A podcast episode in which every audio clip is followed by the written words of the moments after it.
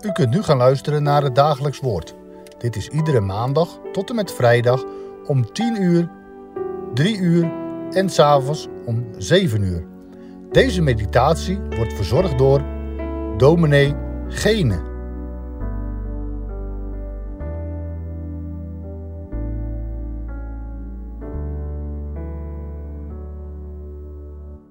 Opnieuw een uitzending van het dagelijks woord. Vandaag lezen we samen uit het Marcus Evangelie, het derde hoofdstuk. En ik lees u de versen 13 tot en met 19. En Jezus klom de berg op en riep bij zich wie hij wilde. En zij kwamen naar hem toe. En hij stelde er twaalf aan om bij hem te zijn en om hem uit te zenden om te prediken. En macht te hebben om de ziekten te genezen en de demonen uit te drijven. En Simon gaf hij de naam Petrus.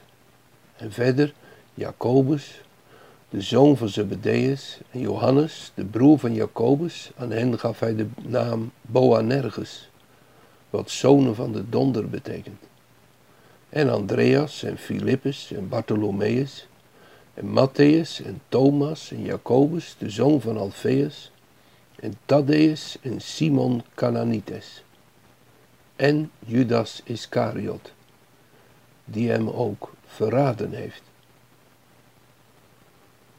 Tot zover dit gedeelte uit het Marcus-evangelie.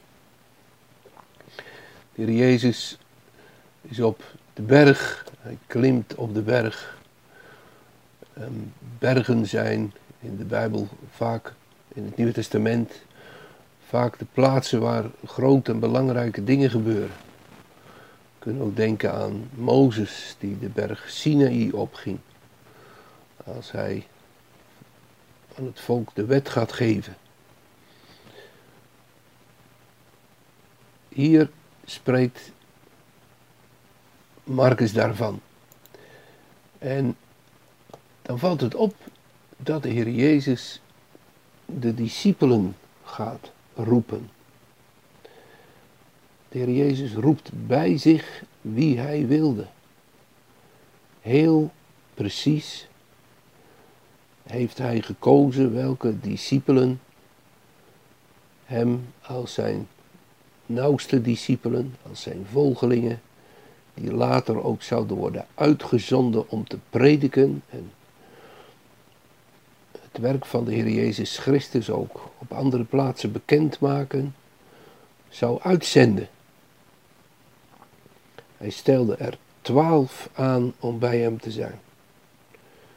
Het getal twaalf, dat kennen we vooral van de twaalf stammen van Israël. En het getal twaalf dat ook zulke belangrijke plaats heeft in de bouw van de tent der samenkomst en van de tempel.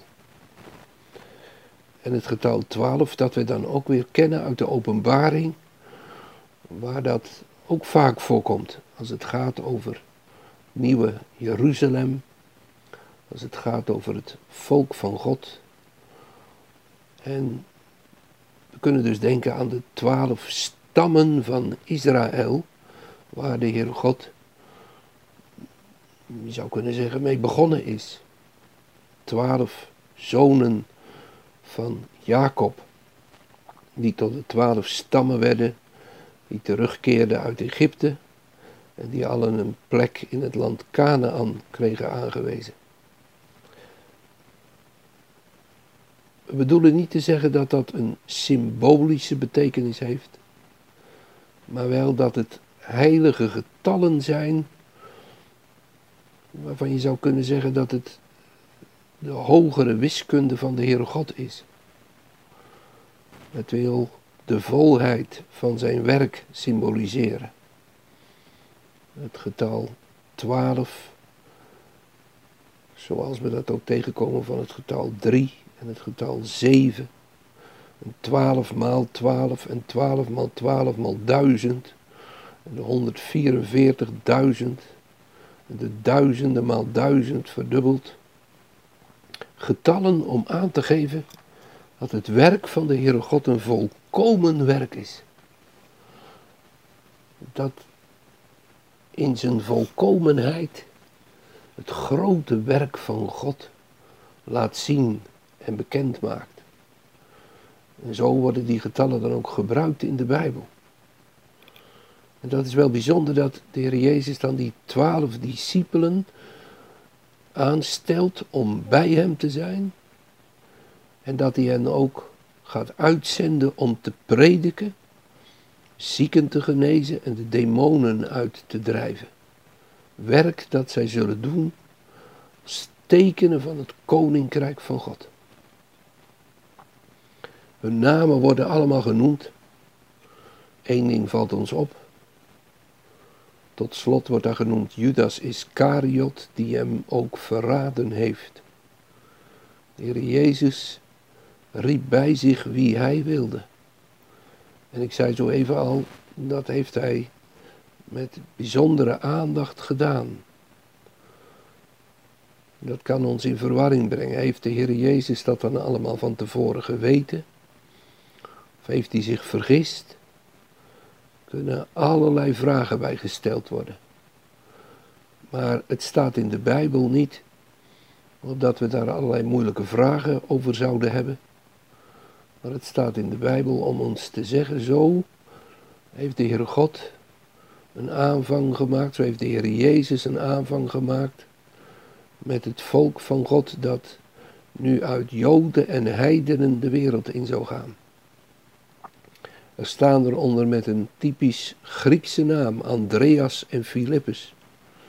Dus niet 1, 2, 3 Joden die je op het eerste gezicht zou verwachten. Mensen die je ook een geschiedenis hadden. Familie buiten Israël, gemengde huwelijken, we weten het niet. Maar hier al is de wereldwijde kerk van Christus te zien. En dat mag ons vandaag bemoedigen en troosten. Het kan ons ook helpen om niet te gauw te verwonderd te zijn.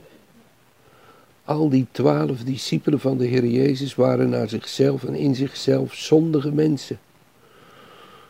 En van die ene wordt gezegd dat hij de Heer Jezus heeft verraden.